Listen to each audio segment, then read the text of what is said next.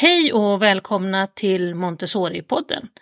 Idag har jag sällskap här av vår ledningsgrupp. God morgon allihopa, vad roligt att ha er här. God morgon. God morgon. Jag tänker att vi kör laget runt så får ni berätta vilka ni är och eh, vad ni gör här idag. Hej, Ann-Marie Utterström Olsson heter jag och jag är VD för Montessori Sverige. Emma Schneider heter jag och jag är vice VD Montessori Sverige och våra verksamheter. Och Jessica Larsson heter jag och jag jobbar som kvalitetschef i Montessori Sverige. Eh, roligt att vara med här i den här fina podden, Montessori-podden, som nu har funnits ett tag.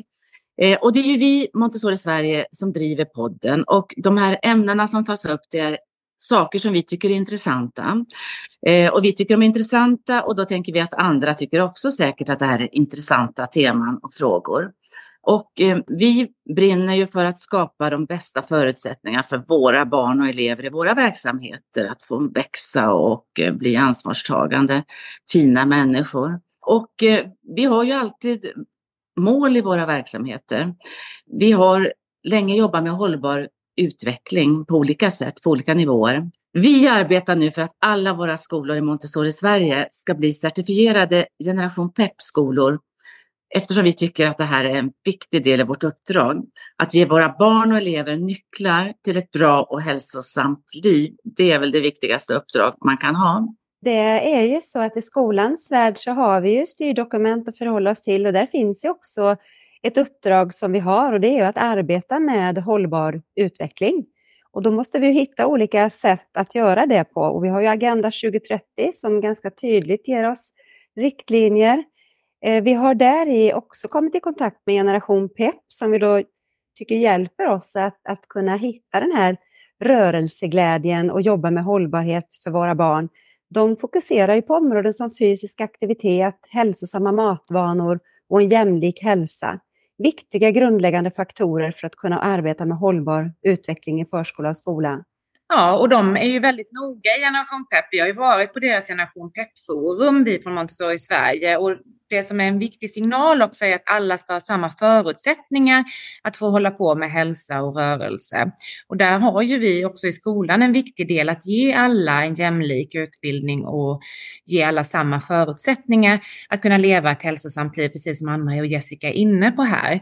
Och för oss är det väldigt viktigt att hitta de här friskfaktorerna som gör att vi kan öka barn och elevers goda hälsovanor. Att ge dem goda förutsättningar i skolan är ju för oss en viktig faktor. Att barnen har rätt förutsättningar att kunna fokusera på sin utbildning och där tror vi ju att hälsa, och det är inte bara vi som tror utan det är ju forskning som visar att hälsa eh, är kopplat till rörelse och goda eh, matvanor. Ja, som ni förstår så tycker vi det här är väldigt viktigt. Och vi har ju redan verksamheter i Montessori Sverige som är generation PEP-certifierade. Och nu jobbar vi strukturellt vidare för att alla våra verksamheter ska bli det. Vi har redan utbildat all fritidspersonal och nu är det även rektorerna som vi har eh, generation PEP-utbildning med. Det är därför extra roligt att ni idag ska få ta del av det de har att erbjuda generation PEP. Tack så jättemycket för att ni ville vara med och introducera dagens avsnitt och då lyssnar vi på Carolina Klüft.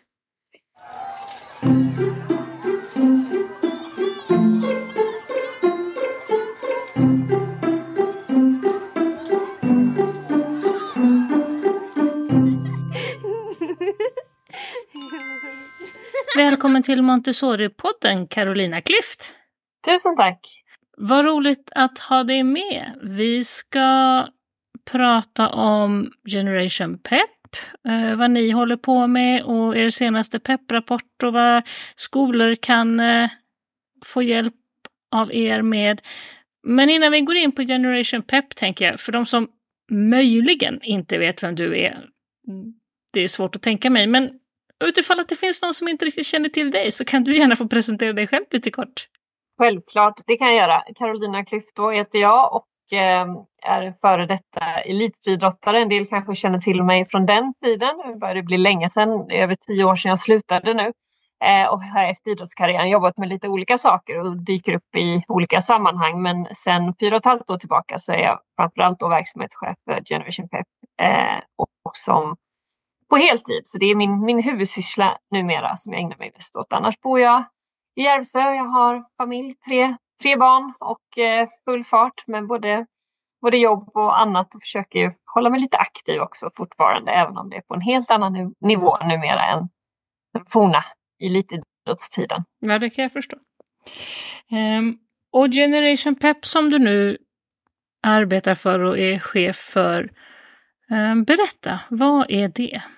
Generation Pep är en organisation, vi är idéburen organisation, icke vinstdrivande organisation som grundades 2016 av kronprinsessparet för att eh, helt enkelt arbeta mer med barn och ungas hälsa med fokus på fysisk aktivitet och mat. Framförallt då för att försöka göra något åt den ojämlikhet som vi ser i hälsa idag hos våra barn och unga och mm. även hos vuxna på den delen. Men att försöka anstränga oss ordentligt på alla sätt och vis för att täppa till den här hälsoklyftan. Eh, och vi ser att det finns eh, ett behov av att, att jobba med de här frågorna på olika sätt och med visionen om att alla barn och unga i Sverige ska ha möjligheten och viljan att leva ett aktivt och hälsosamt liv. Och vi arbetar på väldigt många olika sätt med kunskapsspridning, med vägledning, med samverkan, med påverkan för att försöka då få till förändring på alla de arenor där barn och unga finns.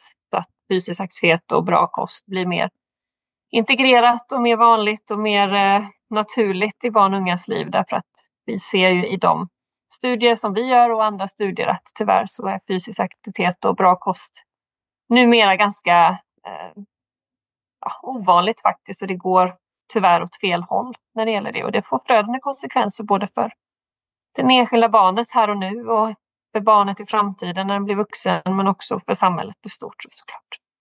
Och ni producerar ju en gång om året den här pepprapporten där ni beskriver just situationen. Ehm, och den senaste kom bara för några veckor sedan. Vad är de viktigaste slutsatserna från den?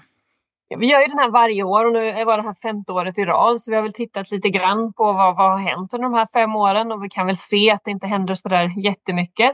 Vill man se det från den ljusa sidan så har det i alla fall inte blivit ännu värre. Trots pandemi och allt så har det faktiskt inte blivit sämre. Det är ju på ett sätt goda nyheter. Ja, man kan titta på det på olika sätt. Tittar vi på generellt så ser vi fortfarande är två av tio som inte når upp till rekommendationerna vad gäller fysisk aktivitet, där man då ska vara 60 minuters pulshöjande aktivitet dagligen i genomsnitt som barn och ung i Sverige. Ehm, det är två av tio och det har det varit de senaste åren. Men går man sedan in och djupdyker lite i siffrorna så kan man se att pandemi, under pandemiåren så blev det lite högre tid framför skärm. Mm. Och den, har legat, den ligger nu kvar på den nivån. Så man kan säga att när man, skärmtiden ökar under pandemin, det har vi liksom inte sett någon tillbakagång efter pandemin utan det verkar som att vi har fått lite en, ja, man kan spekulera i om det har blivit en liten normförändring i att man sitter helt enkelt mer framför skärm eh, till följd av pandemin. Så där kan man ju se att det har gått lite åt fel håll på det sättet. Sen kan vi se att eh, tittar vi på sammantaget de som når upp till rekommendationerna när det gäller både fysisk aktivitet och kost. Om man slår ihop dem så har det också blivit något färre år för år. Förra året var den på 4% nu är den på 3 Så det, man kan se vissa sådana här tendenser, men tittar man på det stora hela så, så har det inte hänt så mycket och det ligger ju på en väldigt låg nivå. Om man tittar på det är min, färre än en av tio som når upp till rekommendationerna vad gäller kostråden till exempel. Mm. Um, Sen är all rörelse räknas, varje frukt räknas. Så det är klart att det finns många barn som rör på sig och, och är aktiva på olika sätt säkert. Men inte tillräckligt egentligen för att må bra och för att få med sig alla fördelar och positiva effekter av att vara fysiskt aktiv, få med sig en god hälsa. Och det finns ju väldigt många olika aspekter på det. Eh, allt ifrån att man får med sig de motoriska färdigheterna tidigt i livet och att det kan påverka en positivt om man blir vuxen men till också liksom rent konditionsmässigt och styrka och ja, att man får en, eh, en god hälsa med sig. Att det ökar välbefinnandet också här och nu, att det hjälper oss att må bra eh, på olika sätt i stunden också. Så det finns många, många delar i det som är oroväckande med de här siffrorna såklart. Kan man se um några faktorer, några, om vi tittar på klasskillnader och så med att viss grupp av barn rör på sig och äter eh, samma grupp som kanske har det bra i övrigt och andra då eh, lite mer underprivilegierade barn inte får till det här heller. Kan man, se, kan man dra sådana slutsatser? Det kan man absolut göra. Det finns en rad faktorer som påverkar. Eh, vi vet att eh, socioekonomiska förutsättningar, både var man bor i landet, eh, men också utbildning, men också framförallt då ekonomi, mm. påverkar dina möjligheter och förutsättningar att vara fysiskt aktiv. Vi vet att det finns eh, områden, resurssvaga områden där till exempel knappt finns idrottsföreningar. Då är det också väldigt svårt att vara fysiskt aktiv på fritiden. Och där ser vi tydliga, om vi ställer frågan om man är fysiskt aktiv regelbundet i organiserad form på fritiden så är det ju eh, väldigt stora skillnader. Det är drygt 50 procent som svarar ja på den frågan med barn då som bor i en familj med låg inkomst medan siffran är drygt 82 eller drygt 80 procent eh, i en familj med hög inkomst. Mm. Så det är väldigt stora skillnader. Och det här är en siffra taget på ekonomi. Tar du in även de socio, sociala faktorerna där så kan den, då är den siffran ännu större skillnad så att säga. Så att det finns väldigt tydliga tecken på det. Sen finns det andra saker vi kan se att ålder, alltså ju äldre man blir desto mindre rör man på sig. Eh, man kan se också skillnad mellan könen där flickor rör på sig mindre än pojkar. Man kan också titta på funktionsnedsättning. Har, vi har lite för, för få i, i, vårt underlag för att kunna dra några statistiska slutsatser men vi vet genom andra studier att funktionsnedsättning också kan göra att man har svårare att få möjlighet att vara fysiskt aktiva, färre alternativ, färre möjligheter. Eh, och det är det här som är, det är ju en, ett samhällsproblem eh, att vi har strukturer som, och hinder som står i vägen för barn och unga, vilket gör att alla barn får inte sina rättigheter tillgodosedda som handlar om att, att få bästa möjliga hälsa. Det står i barnkonventionen som är lag i Sverige, men det finns väldigt många barn och unga som, som tyvärr inte ens får den möjligheten. Och det är saker som de inte själva rår över och som kanske inte deras föräldrar heller alltid rår över. Nej.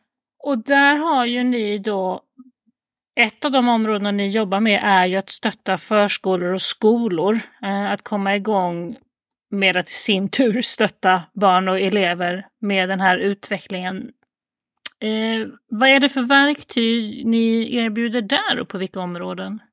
Ja, men det är, vi vill ju vara med och stötta för att eh, få med fysisk aktivitet och kost mer integrerat i skolan. Vi vill ju egentligen inte behöva finnas utan vi, vi vill liksom stötta för någon form av omställning, att det blir mer socialt hållbart så att vi kan liksom avveckla oss själva egentligen om vi har det här naturligt mer i barns liv. Och då, då vet vi att förskolan och skolan är två arenor där väldigt, väldigt många av våra barn och unga finns. I stort sett alla, i alla fall om vi tittar på skolan, men förskolan har också väldigt många barn och unga och i olika familjehem och så vidare. Så att det finns, det finns väldigt, liksom, ur demokratiskt perspektiv, om man vill uppnå liksom, jämlikhet på något sätt, så når man åtminstone alla barn och unga där. Eh, så vet vi att det har väldigt positiva effekter på lärandet också, koncentrationen och hur barn och unga mår och hur de kan liksom, klara av skoldagen. Så därför är det viktigt. Och de här verktygen är egentligen ett stöd till rektorer och pedagoger eh, och personal på skolan som vad gör man då? Hur, om man nu vill ta tag i det här och man vill integrera mer inom ramen för skolan. Hur ja, går man då tillväga? Vad, kan man hitta på? Så vi både har ju faktakunskap men också man kan liksom ta hjälp av handlingsplaner, skatta sitt nuläge och få också förslag på vad man kan göra för att, för att öka den fysiska aktiviteten eller få bättre miljöer kring kosten. Och så har vi en rad olika sådana liksom interventioner kan man säga som man då får hjälp med eh, på ett digitalt och kostnadsfritt sätt så att det ska vara lättillgängligt för alla. Eh, vi är ju inte så många så att vi kan liksom inte vara ute på varje skola och det skulle inte heller ge så stor effekt utan det är mycket bättre att man ja, pedagoger själva och de som arbetar på skolan själva får in det här i sin, i sin verksamhet på ett naturligt sätt utan att det tränger undan någonting annat utan att det blir liksom en del av skoldagen. Då, då vet vi att vi kan få få bättre effekt och nå många, många fler. Så det här handlar om att man, man har ett stödverktyg digitalt som man kan använda sig av hur mycket man vill och när man vill och i sin takt och på det sätt som man tycker passar sin skola eller förskola och sin kontext. Jag var inne och tittade här på, på verktyget och, och, jag ser ju de rubrikerna som ni har spaltat upp där. Det handlar om aktiva raster, Ehm, fysisk aktivitet som en naturlig del i undervisningen, fysisk aktivitet i anslutning till skoldagen och sen tre stycken eh, punkter här om skolmåltiden, om den, om den som ett pedagogiskt verktyg och också att den är näringsriktig och att den är trivsam. Jag tänker det här fysisk aktivitet i anslutning till skoldagen, det är ju då kanske ett ämne som mer handlar om föräldrarna och hur man tar sig fram och tillbaka till skolan och det här med fritidsaktiviteter och så. Um, hur, hur är läget där? Ja, när det gäller aktiv transport till och från skolan så vet vi att det har halverats sedan 80-talet och det är bara 50 procent av barn och unga just nu av de alla de barn och unga som finns som, som transporterar sig aktivt till och från skolan. Mm. Den, den, där tror vi att det går att göra mycket och att det finns en det finns ju en rädsla hos föräldrar att släppa iväg sina barn och unga men ofta så är den rädslan en upplevd rädsla men kanske inte något som man egentligen behöver vara speciellt rädd för. Det är klart att det finns sammanhang där det, där det är befogat men men vi upplever kanske också att det är en fara att släppa ut våra barn i trafiken trots att vi har säkrare cykelvägar än någonsin just nu. Eh, och att det är väldigt liten, väldigt, väldigt liten sannolikhet att man skadas i trafiken.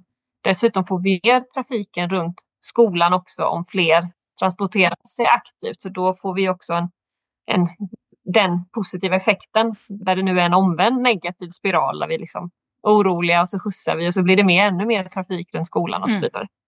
Mm. Så det tror vi att vi absolut kan påverka att förflytta eh, fler barn aktivt. För då skulle man få en ganska, både vuxna och barn få en ganska naturlig rörelse. Dels kan man i de små åldrarna transportera sig tillsammans med barnen. Då får vi fler vuxna ute på gatorna också, vilket gör att det också blir tryggare miljöer på alla sätt. Eh, och när de, barnen är lite äldre så, så vill de, barn vill själva också gärna få den möjligheten att transportera sig och det blir en känsla av att man har lite frihet och att man kan ta sig hem själv efter skolan, att man växer med den uppgiften också. Ja, det är ju en självständighetskänsla att faktiskt kunna själv.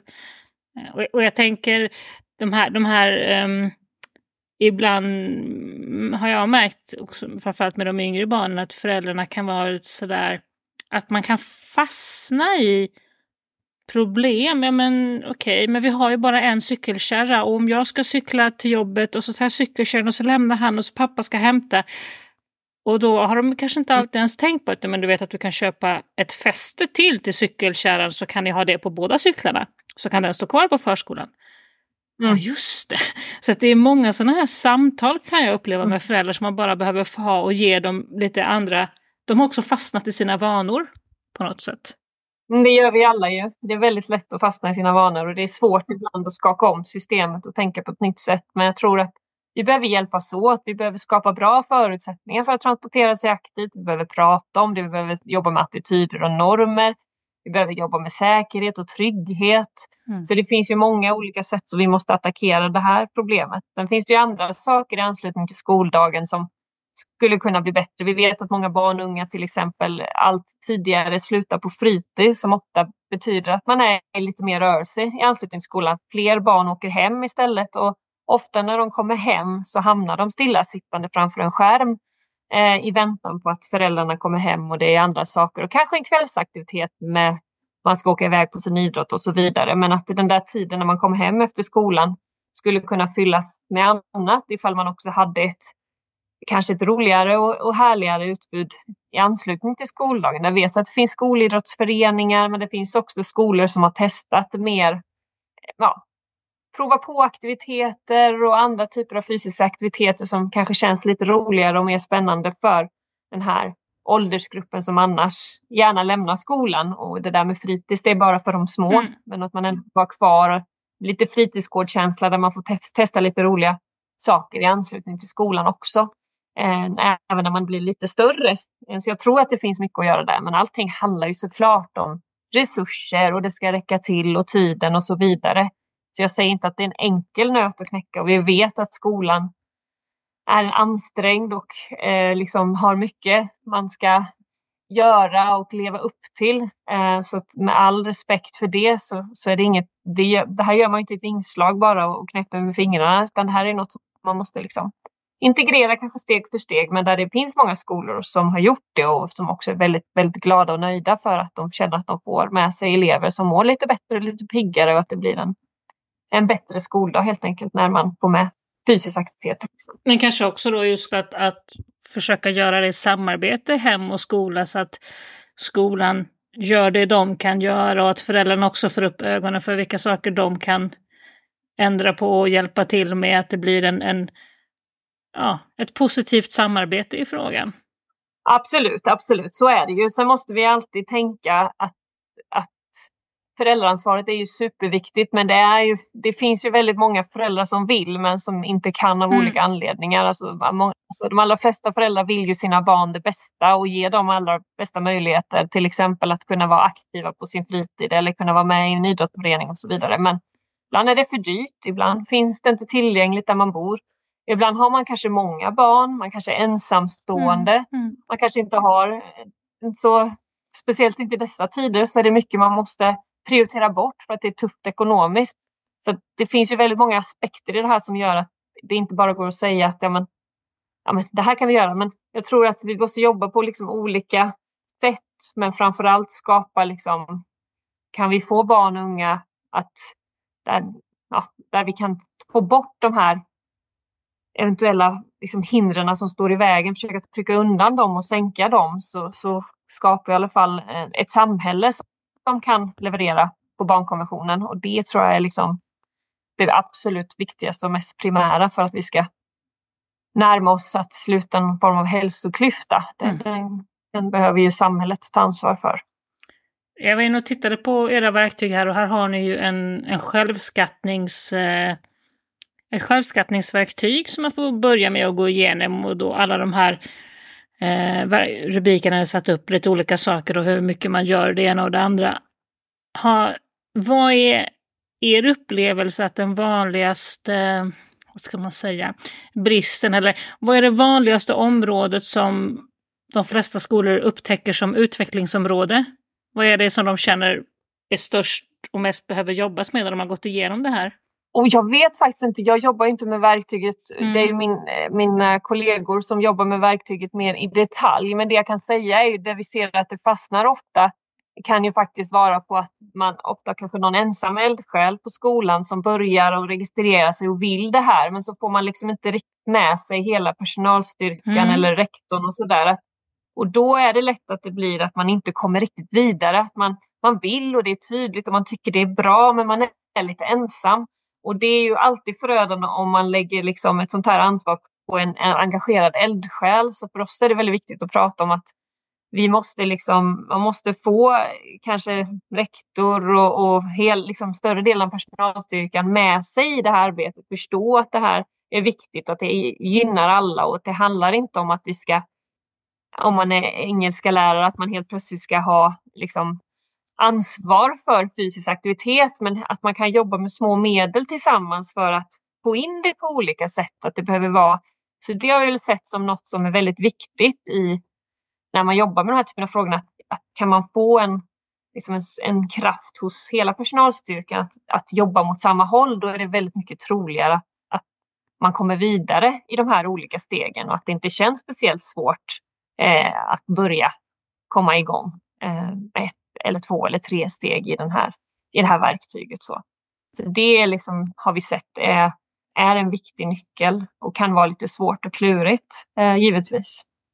Något annat som jag tänker kan vara lite svårt och klurigt sådär till vardags ute på skolorna, det är ju också att mm, den största utmaningen kanske kan vara att få med de här som inte naturligt är aktiva, som ja, men den där lite introverta eleven som gärna sitter i soffan och läser helst själv. För dem kan det ju, det gäller ju att hitta någonstans format som gör att även de hittar sammanhang där de trivs och vill vara med. De är kanske inte så glada i att göra stora gruppaktiviteter på rasten. för det ligger liksom inte riktigt för dem att just hitta olika, att det finns så mycket olika saker att göra så att alla kan hitta sitt. Så är det verkligen och det är ju, vi, behöver, vi fastnar ju också i gamla hjulspår ibland tror jag i hur man vad, hur ser skolgården ut? Hur är den konstruerad? Är den konstruerad bara med fokus på sport till mm. exempel? Mm. Eller är det mycket så här aktiviteter som kanske traditionellt sett appellerar mer på pojkar än på flickor? Mm. Till exempel hur mycket jobbar man med variationen av att använda vegetation och liksom olika typer av utmaningar, använda naturen, lekvärlden, fantasin där de själva kan vara med och skapa. Och som du säger att det finns områden som, ja, där man kan vara lite mer i fred eller där man är lite färre personer och sen kanske finns de här större sammanhangen när man spelar fotboll på en fotbollsplan men som inte passar alla. Och där vet jag att det finns ju mycket initiativ också. Man tittar på både skolgårdar och miljöer men också på liksom, ja, rastaktiviteter där man kanske till och med liksom har rastansvariga som liksom försöker hitta de här olika lekarna och sätten att, att det inte blir tävling och alltid liksom mm. sport mm. på det sättet. Som det i alla fall var mycket när jag var barn och det passade ju mig för jag var ju sportig liksom. Jag var ju alltid ute och jag gillade att liksom vara i de här sammanhangen men det är långt ifrån alla barn som gillar det och då är det lätt att de faller liksom utanför för att man gör som man alltid har gjort. Så där tror jag att vi behöver absolut tänka lite. Jag tänker det, det är ju kanske snarare en elev som hade behövt hjälp, få hjälp att komma igång och kunna till exempel ta rejäla långpromenader och lyssna på sin favoritbok. Mm. Så att de liksom känner att de alltså, får hjälp att komma igång med det då. För att det är kanske något som passar den. Mm, exakt. Ja, den där promenadslingan som man har mätt ut som man vet, ja men den tar ungefär så här lång tid. Då går du den här slingan så tar den ungefär den här lång. Alltså sådär. Det hinner du på lunchrasten liksom. Mm. Ja. Och så såg jag också att man kan få, eh, ni har någon form av certifikation på Generation Pep för skolorna. Vad innebär den? Nej, men det innebär egentligen att de som då har jobbat eh, i det här verktyget och egentligen skattat sig högt då till slut på alla de här områdena, då kan man få en liksom certifiering eh, där man då har ja, helt enkelt eh, kommit så pass långt i sitt arbete att fortsätter man bara på det här sättet så har man verkligen eh, aktiverat sina barn och unga och fått till det här med kosten på ett bättre sätt. Och det här verktyget, det är inte så att vi, vi har möjlighet och resurser att testa hur mycket aktivitet var det innan och hur mycket aktivitet blev det efter. Men, all, men verktyget är ju framtaget tillsammans med forskare och med liksom professionen så att man ska och där finns ju en hel del forskning kring vad är det för typ av saker man behöver göra för att öka aktiviteten. Så det bygger ju någonstans på en hypotes om att gör du det här så kommer det också öka aktiviteten och välmåendet eh, på skolan. Så det, det, är egentligen på det sättet. Men med det sagt så kan man säga att det, egentligen så handlar det bara om att vissa kanske behöver en morot, ja, men okej, att ha något att sträva efter. Men man har väldigt mycket nytta av verktyget bara som stöd. Man behöver inte känna att, att målet är certifiering, utan ibland behöver vi de som gasar på och som kanske är förebilder och visar att det går. Men du kan också som skola, beroende på hur mycket resurser och tid du har just nu, så kan du ju börja med några saker som känns hanterbara och köra på med det ett tag och sen kanske du kan ta nästa steg och så. Så du behöver inte alls. Det är inte någon hög tröskel att komma igång eh, och det, man ska inte känna att man inte är bra för att man inte eh, har målet att bli certifierad utan det är gott så att, att sätta igång med arbetet helt enkelt. Och i den här inspirationsbanken som hör till verktygen så finns det ju verkligen oerhört många både små och stora tips och inspiration för små enstaka aktiviteter eller hela angreppssätt. Det fanns väldigt mycket att botanisera emellan där såg jag. Ja, det är en väldigt populär sida eh, på vår hemsida. Jag tror att det är liksom efter huvud, eh, startsidan så är det den mest besökta sidan för att man klart att man ska ta hjälp och vi vill ju sprida goda exempel för det finns ju jättemånga lärare, skolor, rektorer och, och, andra organisationer som har bra material, som har bra stöd, som har gjort roliga lekar eller bra saker, att man ska dela med sig av dem så att man kan kopiera och, och ta efter vad andra gör så man slipper sitta där och gnurra. Ah, okej, nu vill jag ha fem minuters paus här, vad ska jag hitta på? Utan att man kan liksom ta stöd och därför har vi försökt samla och där man själv kan lägga in sina goda exempel för att sprida till andra. Att det är väldigt viktigt att vi hjälps, hjälps åt i det här och att det finns möjlighet att få stöd i vad man skulle kunna hitta på. Ja, men då hoppas vi att eh, många av skolorna blir inspirerade och sugna på att eh, börja nosa på det här och kanske komma igång med ett projekt eh, med Generation Pep, eller hur? Verkligen, ni är så välkomna att kontakta oss också om ni behöver mer stöd och hjälp eller mer information. Tack så jättemycket för samtalet Carolina. Tack så jättemycket. Tack för att du har lyssnat. Montessori-podden produceras för Montessori förskolor och skolor i Sverige AB. Du kan läsa mer om oss på www.montessorisverige.se. När du har lyssnat, ge gärna podden ett betyg i din poddspelare och glöm inte att följa Montessori-podden på Facebook eller Instagram.